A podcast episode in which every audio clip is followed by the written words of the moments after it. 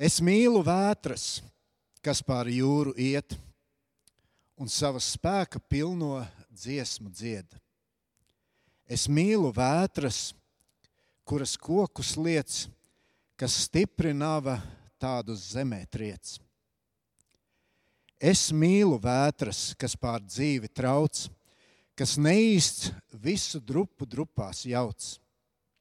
Tās dzīves smago gaisu iztīra, no ikdienības sirdis atraisa. Tik vētrā redzams, kas ir varonis.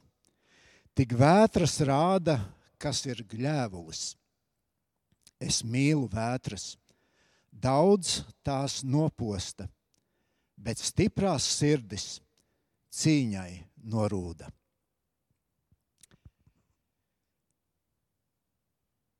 Kā šodien ir ar tavu ticību? Kā saglabāt mieru mums tad, kad eh, visapkārt ir nemiers? Ticīgam cilvēkam ir īpaša privilēģija piedzīvot to, kas nav iespējams cilvēkiem, kuri Dievu nepazīst. Ticīgam cilvēkam ir šī dzīvā saikne ar vareno Dievu, kas ir iespējama caur Jēzus Kristus Golgātas upuri. Jēzus nomira pie krusta, lai mēs kļūtu par Dieva bērniem. Jēzus to izdarīja. Un šajās īpašajās attiecībās ar Dievu ļoti svarīga ir mūsu ticība. Ticība ir tilts, kas mūs savieno ar Dievu. Un tāpēc šis jautājums, kā ir ar tavu ticību, faktiski nozīmē, kā tu šodien jūties. Kā tu, brāli, māsa, kā tu šodien jūties? Kā tu jūties šodienas apstākļos? Varbūt grūtībās, varbūt pārdzīvojumos,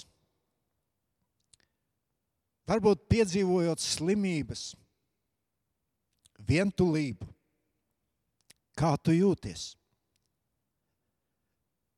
Ja mēs dzīvojam unikālā laikā, laikā, kādu neviens no mums nebija piedzīvojis. Nav viegls laiks, sarežģīts laiks.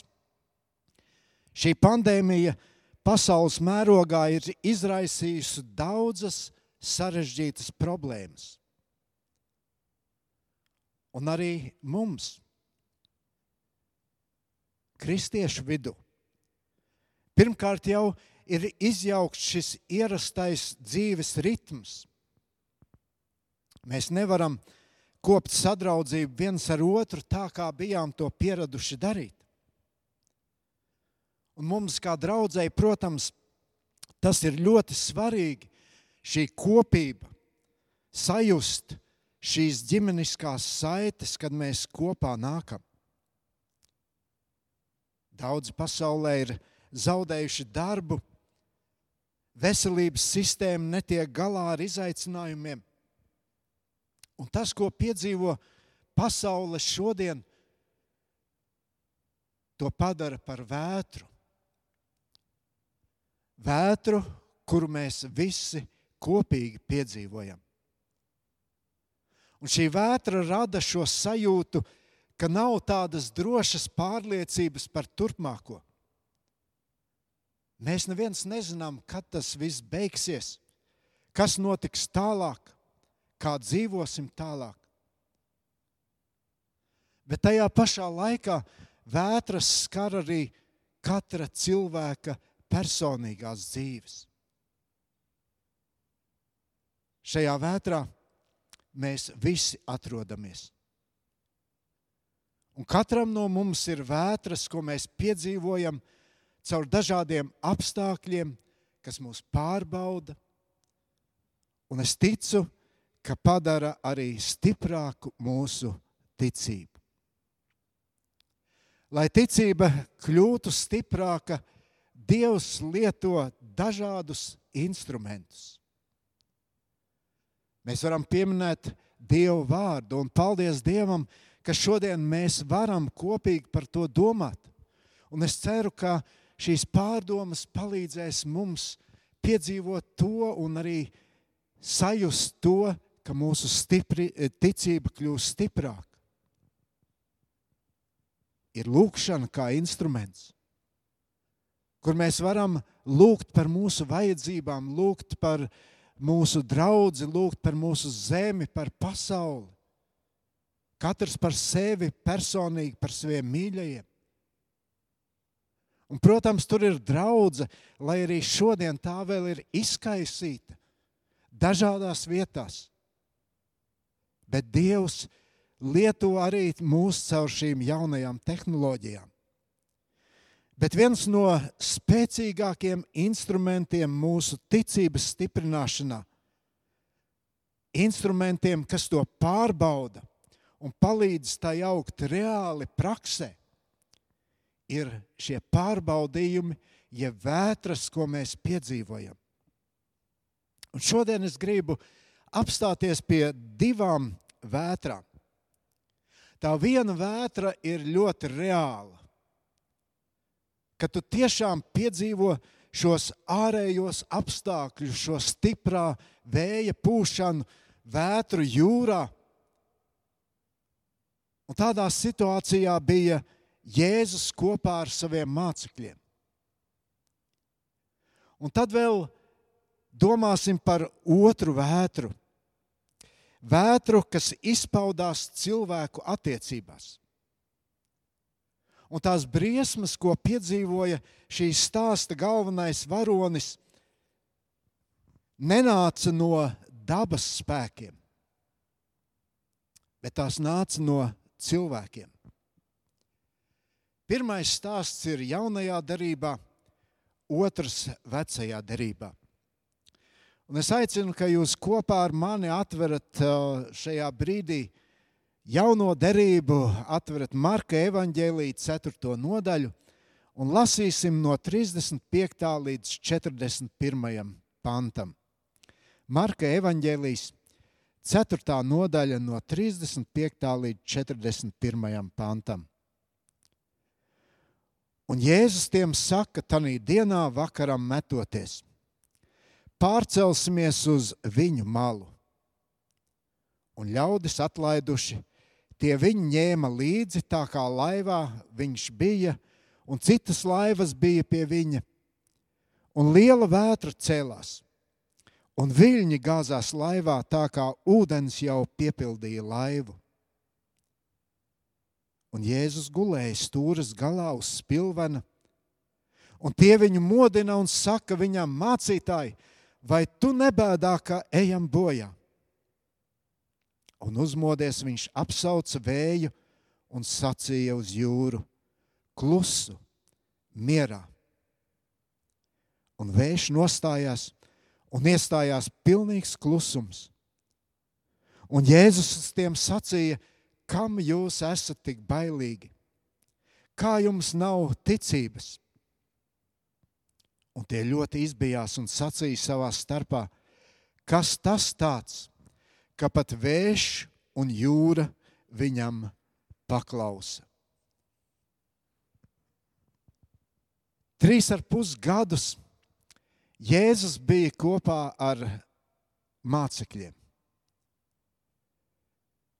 Un šajā kopībā viņam, protams, bija mērķis.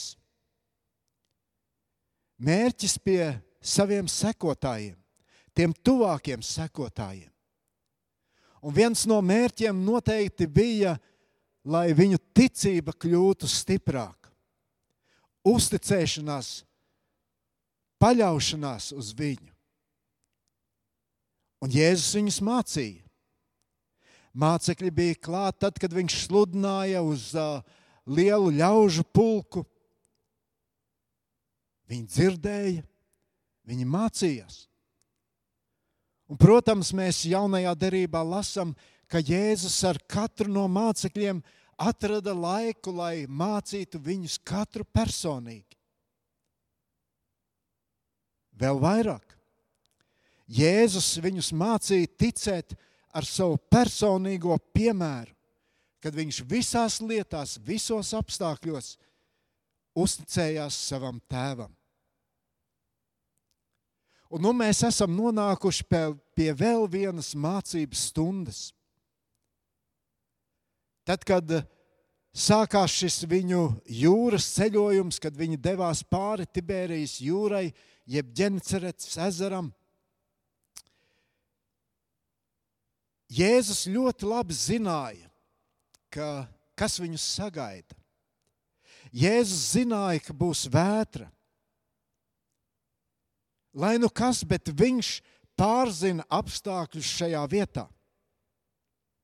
Atcerieties to gadījumu, kad mācekļi zvejoja, un tur Jēzus no krasta viņiem sauc: Ej, vīri, izmetiet tīklus laivas labajā pusē. Mācekļi to dzirdot, saka, kungs, priekš kam mēs esam visu nakti zvejojuši un nenieka neesam dabūjuši.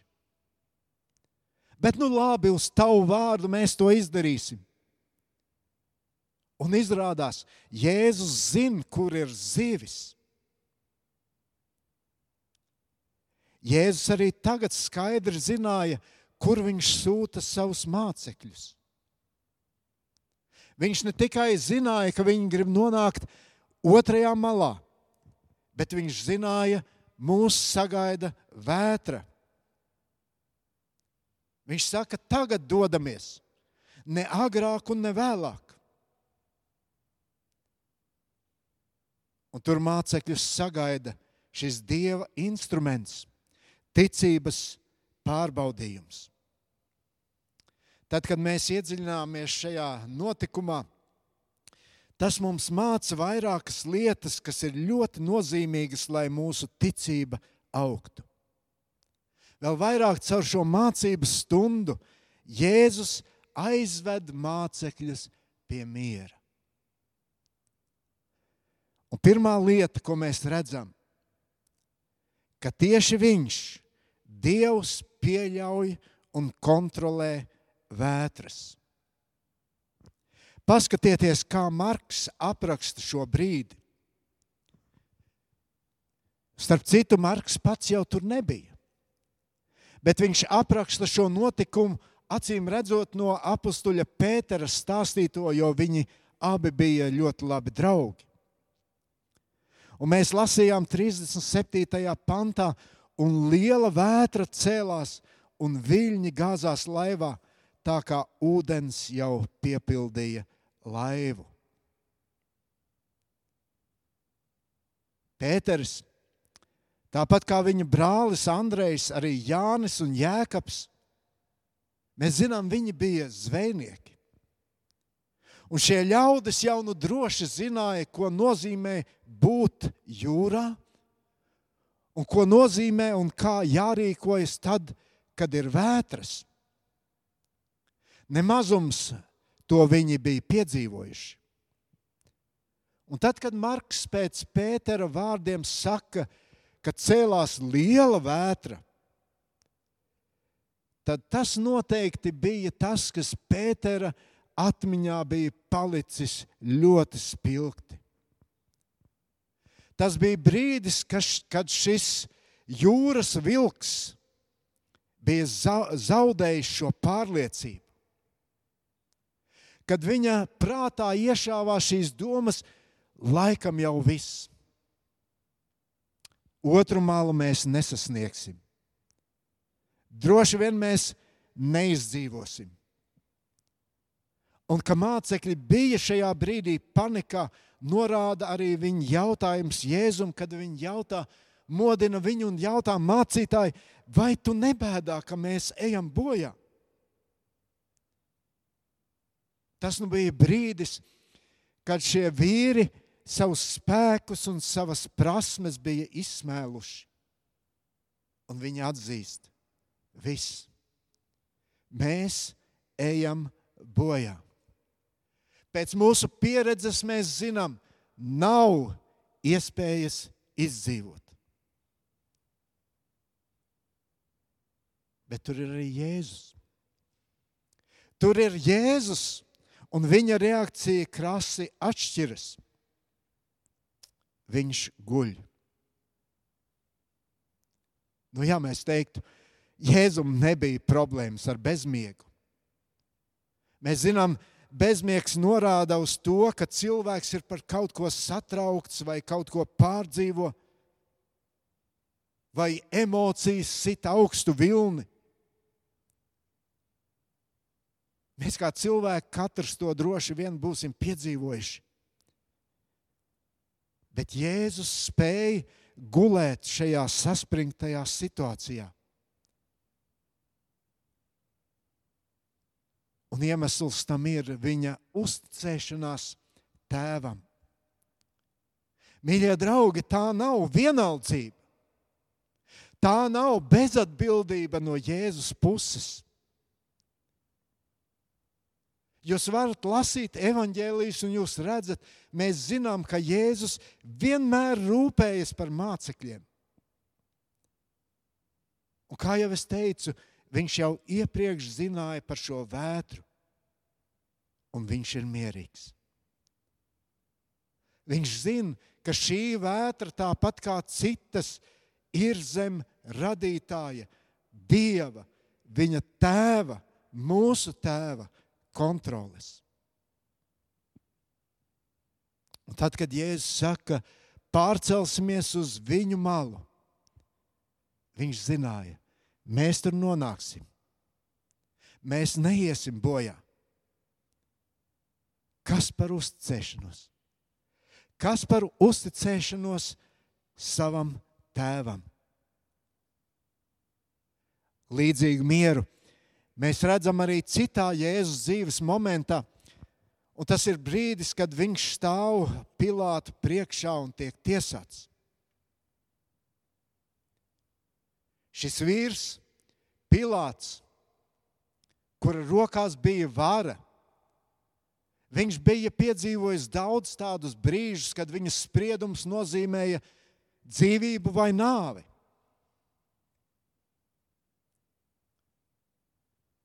Viņš nespēja saprast, kā šis vīrs, Jēzus, spēja būt tādā brīdī tik mierīgs. Viņš daudzreiz piedzīvoja, ka vai nu uz viņu lamājās dusmas, vai tur izmisumā ceļos nometies, cilvēks lūdza viņu apžēlot. Un Jāņa evanģēlijā 19. nodaļā, no 9. līdz 11. pantam, mēs lasām šo spilgto dialogu starp Jēzu un Pilātu. Pilāts iegāja atkal savā pilī un saka Jēzum, no kurienes tu esi? Jēzus viņam nedēva nekādu atbildi. Tad Pilārs viņam sacīja, Vai tu ar mani nerunā?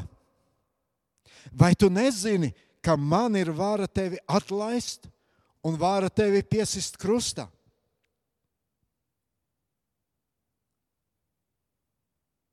Un tad seko Jēzus atbilde.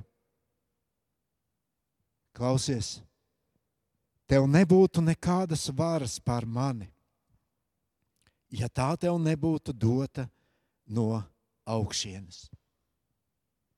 Kas par pārliecību? Kas par mieru, kas par uzticēšanos? Tēvs, tu visu kontrolē. Tas bija viņa miera un pārliecības pamatā. Visā Jēzus dzīvē. Pat tad, kad viņš skaidri zināja, drīz mani sitīs krustā. Redziet, ka ticība, kas ir balstīta šajā pārliecībā, ka Dievs visu kontrolē, tāda ticība dod šo īpašo mieru. Tāda ticība nomierina šīs emocijas. Un tagad apskatīsim otru notikumu. Un tas ir uh, vecajā derībā. Tas ir vīrs, vārdā Elija, pravietis. Viņš noteikti kļuva slavens ar to, ka viņš uzvarēja lielo bāla praviešu armiju, ap 400 bāla praviešu, kad viņi sacentās savā starpā. Un pēc tam, kad tas bija noticis, ķēniņiene Izabele, kam praktiski piederēja neierobežota vara tajā laikā, viņa izdod pavēli karavīriem iet un nogalināt pravieti, viņu iznīcināt. Šī ziņa nonāk arī Elijas ausīs, un viņš bēg. Viņš bēg tālu tuksnesī. Un pēc šī trakā skrējiena viņš aiz pārguruma nokrīt zem paigļu krūma un lūdz Dievs, te nu es esmu. Es gribu nomirt. Un paklausieties, kādi ir šie Elīzes argumenti, kāpēc viņš to saka Dievam. Kad Dievs viņam jautā, ko tu šeit dari, Elīja? Ja jūs gribat sekot līdzi šim notikumam, tad ielieciet zīmīti Marka evanģēlijā un atšķiriet veco derību pirmo ķēniņu grāmatu, 19. nodaļu. Un tur 14. pantā mēs lasām, ka Dievs Viņam jautā, ko tu šeit dari, Elija? Elija saka, es degtinu esmu dedzis tam kungam, dievam Cebotam. Jo Izraēla bērni ir atmetuši tavu derību, tavus altārus tie ir sagrū, sagrāvuši un tavus praviešus nogalinājuši ar zobenu. Es vienīgais esmu atlicies un viņi tīko pēc manas dzīvības, lai to atņemtu. Protams, es, es iedomājos, kādā, ar kādām emocijām Elija sacīja šos vārdus. Dievs, es esmu dēdzis par tevi. Visi ir sacēlušies pret mani. Citi ir atkāpušies, tavi altāri ir iznīcināti. Es vienīgais esmu palicis, bet arī man draud briesmas. Tas bija tas, ko Elija redzēja šī, šo situāciju. Un viņš saprot, nav nekādu variantu. Un viņš lūdz iespēju nomirt. Tāds bija Elijas skatījums. Bet tad mēs redzam, ka Dievs šo situāciju redz pavisam citādi. Un interesanti, ka Dievs neapspriež to, ko Elija viņam ir teicis. Bet viņš saka tā, 15. pantā, un tas kungs viņam sacīja, Elija, atgriezies pa savu ceļu tuksnesī uz Damasku. Es domāju, ka Elīze šajā brīdī domās, sacīt, Dievs, es tikko atskrēju uz šejienu pa šo ceļu, un tu man tagad saki, ej atpakaļ. Bet Dievs to saka. Ej un svaidi Hazēlu par ķēniņu pār Aramu, bet Nimšija dēlu Jehu svaidi par ķēniņu par Izrēlu, bet Safata dēlu Elīzu no Abelas Meholas iesvētīja par pravieti savā vietā. Un lai notiek tā, kas izglābjas no Hazēla zobena, to lai nogalina Jehus, bet kas izglābjas no Jehus, to lai nonāvē Elīza. Bet es paglābšu Izrēlā septiņus tūkstošus, visus, kas nav ceļus locījuši bāla priekšā, un visus tos, kuru mute nav skūpstījusi tos. Ievērojiet, kā Dievs pieiet šai situācijai. Ar visu, ko viņš saka, Dievs rāda, es, kontrolēju situāciju. Elija, man priekš tevis ir pavisam cits plāns. Tu gribi mirt, bet es gribu tevi lietot. Tev vēl ir misija, kas tev ir jāpaveic. Un starp citu, Elija, tu saki, ka tu esi viens palicis tāds. Paklau! Man ir vēl 7000 cilvēku kā tu.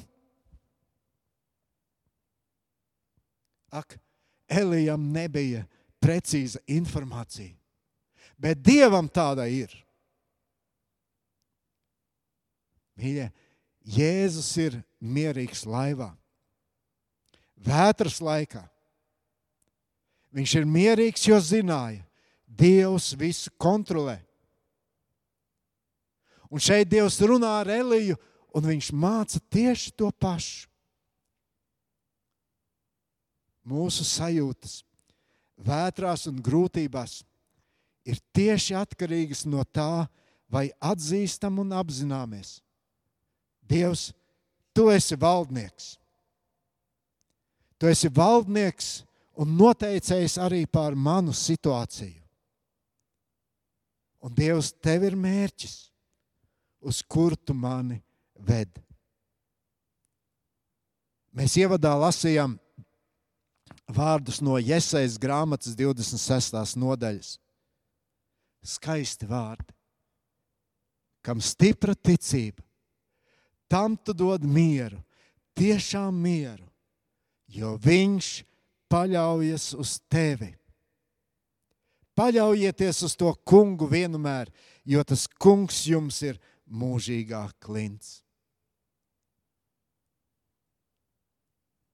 Mācekļi toreiz redzēja lielos viļņus un, protams, juta šo spēcīgo vēju. Elija fokusējās uz Izabeli un viņas karaspēku. Bet šajos iesaistos vārdos ir runa par kaut ko citu. Tava ticība, mana un tava ticība ir atkarīga no paļaušanās uz Dievu, kas kontrolē visu. Otra lieta. Dievs nomierina vētru savā laikā. Marka evanģēlijā, ko mēs lasījām, 39. pants saka, 4. nodaļā, un uzmodies, viņš apsauca vēju un sacīja uz jūru: Klusu, mierā! Un vējš nostājās, un iestājās pilnīgs klusums. Interesanti, ka Jēzus neapklusina vētru agrāk, kaut gan arī varēja to izdarīt. Viņš vispār varēja nepieļaut šo vētru, Viņš varēja kādu stundu agrāk mācekļiem teikt, vai vēlāk pārcelsimies uz otru krastu. Bet, ziniet, Dievam ir savs kalendārs. Dievam ir savs plānotājs. Mums kā cilvēkiem liekas, labāk būtu tā, labāk būtu šitā. Bet Dievam ir savs laiks. Un tieši to pašu mēs redzam arī pie pravieša Elijas. Ja mēs lasītu tālāk uh, par šo notikumu, tad uh, mēs nekā nezinām, kas notika ar ķēniņieni Izabeli, kas notika ar šo karaspēku, kas devās Eliju meklēt un nogalināt. Acīm redzot, Dievs nolika viņu ceļo, ceļā šķēršļus. Un Elija var doties mierīgi uz Damasku, lai piepildītu Dieva plānu. Šodien mums ir tādi apstākļi, kurus Dievs pieļauj. Un mēs jau varam spriest dažādi, bet ziniet, arī Dievam ir sava atbilde. Un visdrošākā lieta vētras laikā, grūtību priekšā, ir uzticēties tā plānam, kuram viss ir pakļauts un kurš visu kontrolē. Dievam ir savs laiks, kad viņš pilnībā noņems visus ierobežojumus. Ziniet, mācekļi noteikti būtu bijuši pārlaimīgi, ja Jēzus būtu apsaucis svētru kaut mazliet, mazliet agrāk. Viņi būtu ietaupījuši šīs, šo izmisumu, nebūtu līdz tam pilnībā nonākuši. Elijas gadījumā Dievs sūtīja Eliju misijā, un viss ļaunums, kas viņu apdraudēja, tas bija pazudis. Un, mīļie draugi, kad mēs cenšamies atbildēt šodien katrs sev uz šo jautājumu, kā ir ar manu ticību, tad atceries, ticība atzīst, ka Dievam ir savs kalendārs. Un ticība atzīst, ka tas, kā Viņš atbild uz mūsu vajadzībām, ir vislabākais. Paļaušanās uz Dievu nozīmē piekrišanu viņa kalendāram un atbildēm. Un trešā lieta, ko redzam abos šajos notikumos, ka Dievs sagaida cilvēka uzticēšanos viņam. Dažādas grūtības pārbaudījumi, no kat, ko katrs no mums piedzīvojam, katram no mums tie ir unikāli. Un šādos brīžos tad arī katra mūsu ticība izpaužas praksē. Un šī praksa nav viegla. Tik dažādi mēs izējām šai praksē cauri. Un uzmodies, Jēzus apsauc vēju un sacīja uz jūru: Klusu mierā! Un vējš nostājās, un iestājās pilnīgs klusums. Un Jēzus tiem sacīja, kam jūs esat tik bailīgi, kā jums nav ticības. Jēzus saka un arī māca, ka viņš no saviem mācekļiem gaida, ka viņi paļausies uz viņu, ka viņi paļausies uz Dievu. Un viņam bija pamats to sagaidīt. Mācekļi līdz šim brīdim, līdz šai vētrai jau bija tik daudz ko piedzīvojuši. Un ja jūs pašķirstītu kādas lapas atpakaļ savā Bībelē, un ja jums ir šis sadalījums, uh, iedalījums tādos mazākos uh, gabaliņos, uh, un tur ir virsraksti, tad no šiem virsrakstiem vien jūs varam, varat secināt, ko mācekļi bija piedzīvojuši. Jēzus dziedina apsēsto vīru, Jēzus dziedina slimos, Jēzus dziedina spitālīgo, Jēzus dziedina triekas ķerto dziedina vīru ar nokautušu roku. Jēzus izdzen ļaunus garus. Tās ir tikai arī pat ne visas lietas, ar ko mācekļi bija sastapušies līdz šai vētrai. Un kad viņi to visu redzēja, viņi bija pārliecināti, Kristu, tu esi Dieva dēls, tu esi Mesija. Tev pieder šī vara. Un visā šajā pārliecībā viņi nonāk pie brīža, kad viņiem šie, šī ticība pietrūkst. Vēl pietrūka šīs pieredzes. Paļauties uz Jēzu arī tādās dramatiskās situācijās, kad vētra trako. Caur dažādām situācijām, ko Dievs pieļauj mūsu dzīvēm mēs tiekam mācīti ticību pielietot praksē. Un to pašu mēs redzam arī pie Elijas. Kad Elija ir, izmi, ir izmisumā, un viņš ir aizbēdzis tur tuksnesī, tad Dievs viņu uzrunā. Pirmā ķēniņa 19 no 9. panta. Un Elija iegāja alā un palika tur pa nakti. Un redzi, tā kunga vārds nāca par viņu sacīdams: No kurienes tu nākdams, Elija? It kā Dievs neredzētu Eliju šajā brīdī, ka viņš ir pārbijies, ka viņš ir pārguris. Un Elija cenšas viņam to skaidrot. Degtin es esmu dedzis savā centībā tam kungam, dievam, cebautam, jo tavu derību Izraela bērni ir atmetuši, tavus altārus viņi ir sadragājuši un tavus praviešus ar zobenu nokāvuši. Un es esmu vienīgais atlicis, un viņi tīko pēc manas dzīvības, lai to atņemtu. Un tad Dievs rāda Elijam sevi. Ļoti interesantā veidā. Dievs saka Elijam, izej ārā un nostājies tā kunga priekšā kalnā. Un redzi, tas kungs gāja garām. Liela un spēcīga vētra, kas sašķeļ kalnus un sadrupina klintis, gāja tam kungam pa priekšu, bet šī vētrā nebija tas kungs. Pēc vētras nāca zemestrīce, bet tas kungs nebija arī zemestrīce.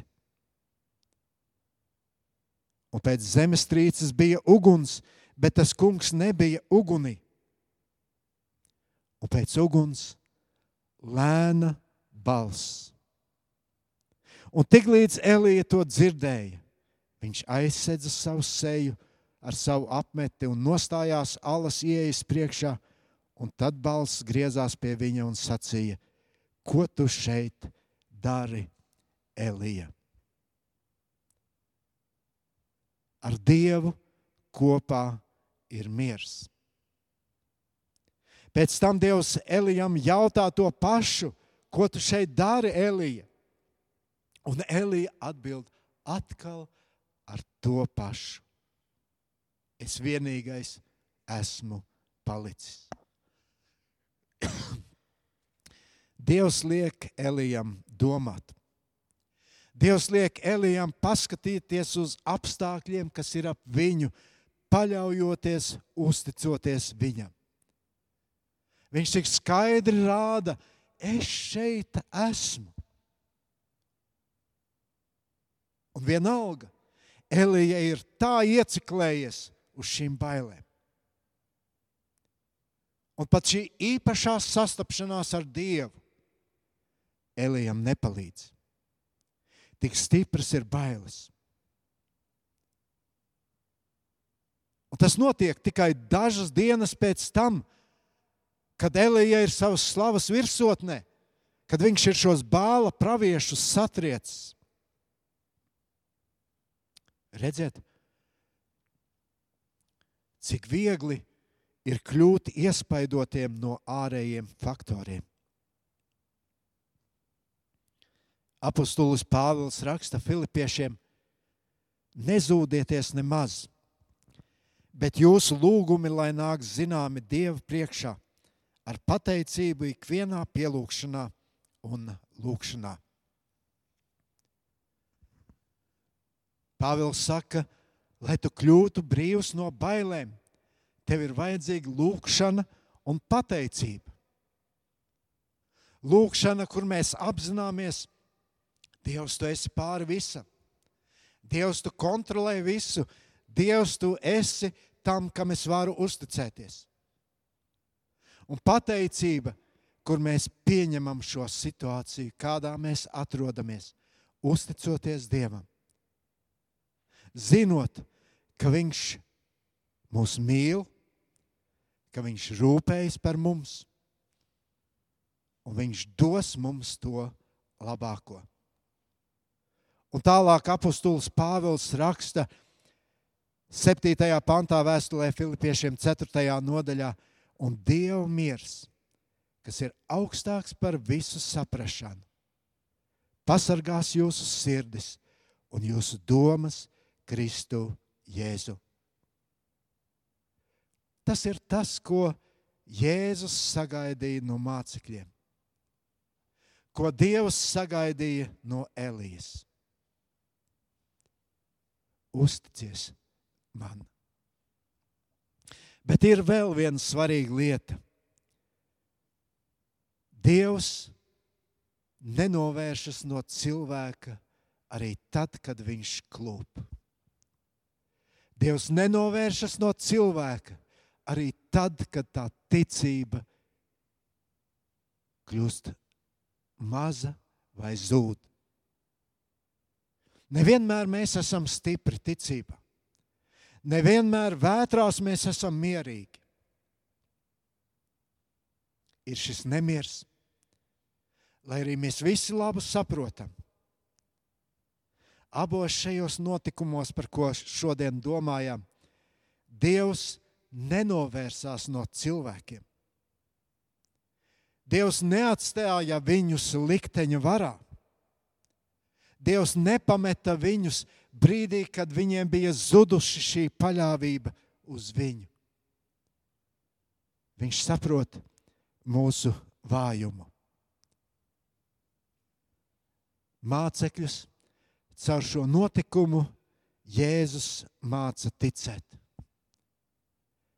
Bet viņš apklusina vētru arī. Viņš nesaka, nu ko mīlīši, Nepietika jums ticības. Nu, tad viss. Ar to arī beigas. Nē. Mēs visi esam šajā procesā, kad cauri dažādām grūtībām, vētrām, mūsu ticība aug. To pašu mēs redzam arī pie Elijas. Dievs rūpējas par mums arī tādos brīžos, arī šajos krīzes brīžos, grūtību brīžos. Apostols Pāvils pirmajā vēstulē korintiešiem 10.13 raksta, jūs piemeklējat vēl tikai cilvēcīgs pārbaudījums. Dievs ir uzticīgs. Viņš neļaus jūs pārbaudīt pāri pār jūsu spējām bet darīs pārbaudījumiem tādu galu, ka varat panest. Atcerieties, mīļo klausītāji, Dievs rūpējas par saviem bērniem. Un arī pieļaujot šīs vētras mūsu dzīvē, Dievs ir tas, kas kontrolē tās spēku. Viņš laikus iedrošina mūs, lai šīs situācijas mūs nesalauž, bet lai mūsu ticība kļūtu stiprāka. Lūksim Dievu. Debes Tēvs, paldies Tev par šiem atgādinājumiem. Paldies Tev, ka Tu caur šiem cilvēkiem, kuri piedzīvoja šīs vētras savā dzīvēm, reālas vētras, gan reāli uz jūras, gan arī no cilvēku attiecībām. Ka tu caur šiem cilvēkiem māci, ka, paļauj, māci, ka paļaujoties uz tevi, mūsu ticība kļūst stiprāka. Paldies, ka tu neatstāji arī tad, kad mēs paklūpam, kad mēs jūtamies tiešām vāji un bezspēcīgi. Bet tu arī tādos brīžos ar savu mieru ienāc mūsu sirdīs, un mēs ieraugam un sajūtam, cik ļoti tu mūs joprojām mīli. Kaut Dievs šī mīlestība arī šajā laikā mūsu ticību padarītu stiprāku. To lūdzu Kristu tavā vārdā. Āmen!